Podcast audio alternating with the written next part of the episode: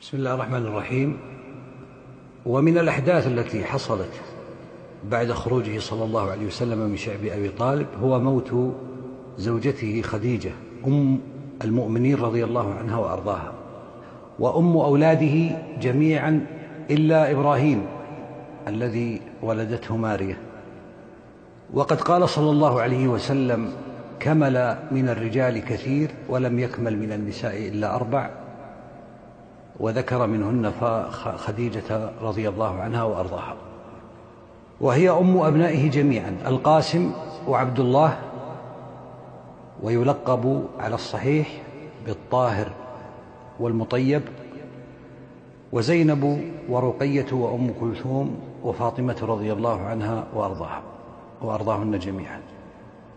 ساندته وواسته وأعانته ووقفت معه. في سرائه وضرائه. فكانت نعم الزوجة له صلى الله عليه وسلم. ولما كان في أول دعوته فدخل عليها خائفا واسته رضي الله عنها وأرضاها فقالت له والله لا يخزيك الله أبدا ثم ذكرت محاسنه.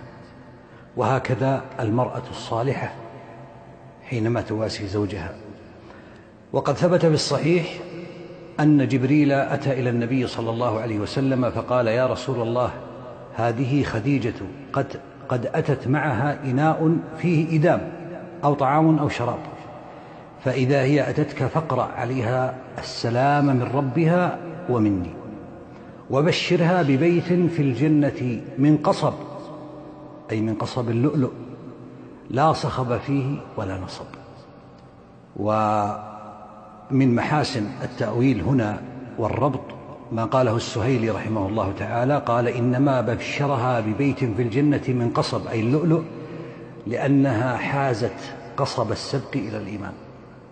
لا صخب فيه ولا نصب لأنها لم ترفع صوتها على النبي صلى الله عليه وسلم وهو الصخب والإزعاج ولا نصب ولم تتعبه يوما من الدهر. فكافأها الله عز وجل بمثل صنيعها مع رسوله صلى الله عليه وسلم. وجاء في الصحيحين أن عائشة رضي الله عنها قالت ما غرت على امرأة للنبي صلى الله عليه وسلم. وعلى هنا بمعنى من ما غرت على امرأة ما غرت على خديجة. وهلكت أي ماتت قبل أن يتزوجني لما كنت أسمعه يذكرها وأمره الله أن يبشرها ببيت في الجنة من قصب. قالت أم المؤمنين عائشة وإن كان ليذبح الشاة فيهدي في خلائلها منها ما يسعهن من تمام وفائه صلى الله عليه وسلم وحفظه لسابق العشرة والمعروف كان يذبح الشاة فيوزع لحمها على خلائل خديجة أم المؤمنين. وبقيت معه رضي الله عنها وأرضاها خمسة وعشرين سنة وهي زوجة له.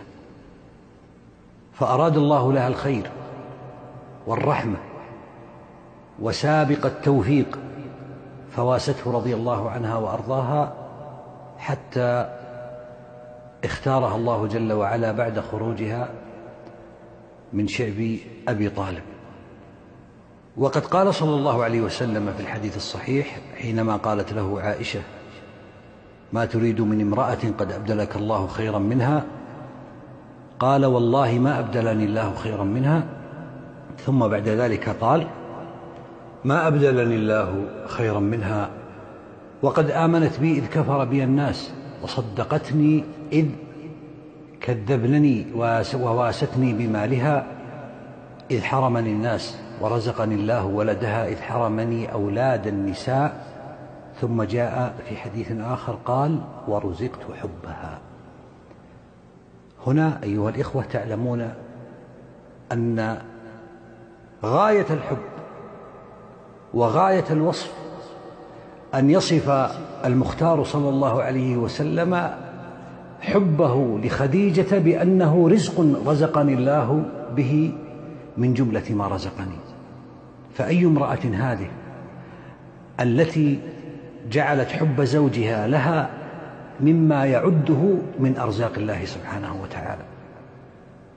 وأي امرأة هذه التي استطاعت أن تتملك في قلب نبينا صلى الله عليه وسلم هذه المكانة حتى إنه جاءت يوما أختها فسمع النبي صلى الله عليه وسلم حسها فتغير وجهه مستبشرا ثم قال اللهم هاله. وهي هالة بنت خويلد أخت أم المؤمنين خديجة. أسأل الله عز وجل أن يرزقنا وإياكم حب نبيه صلى الله عليه وسلم واتباعه. أقف على هذا وصلى الله وسلم على نبينا محمد.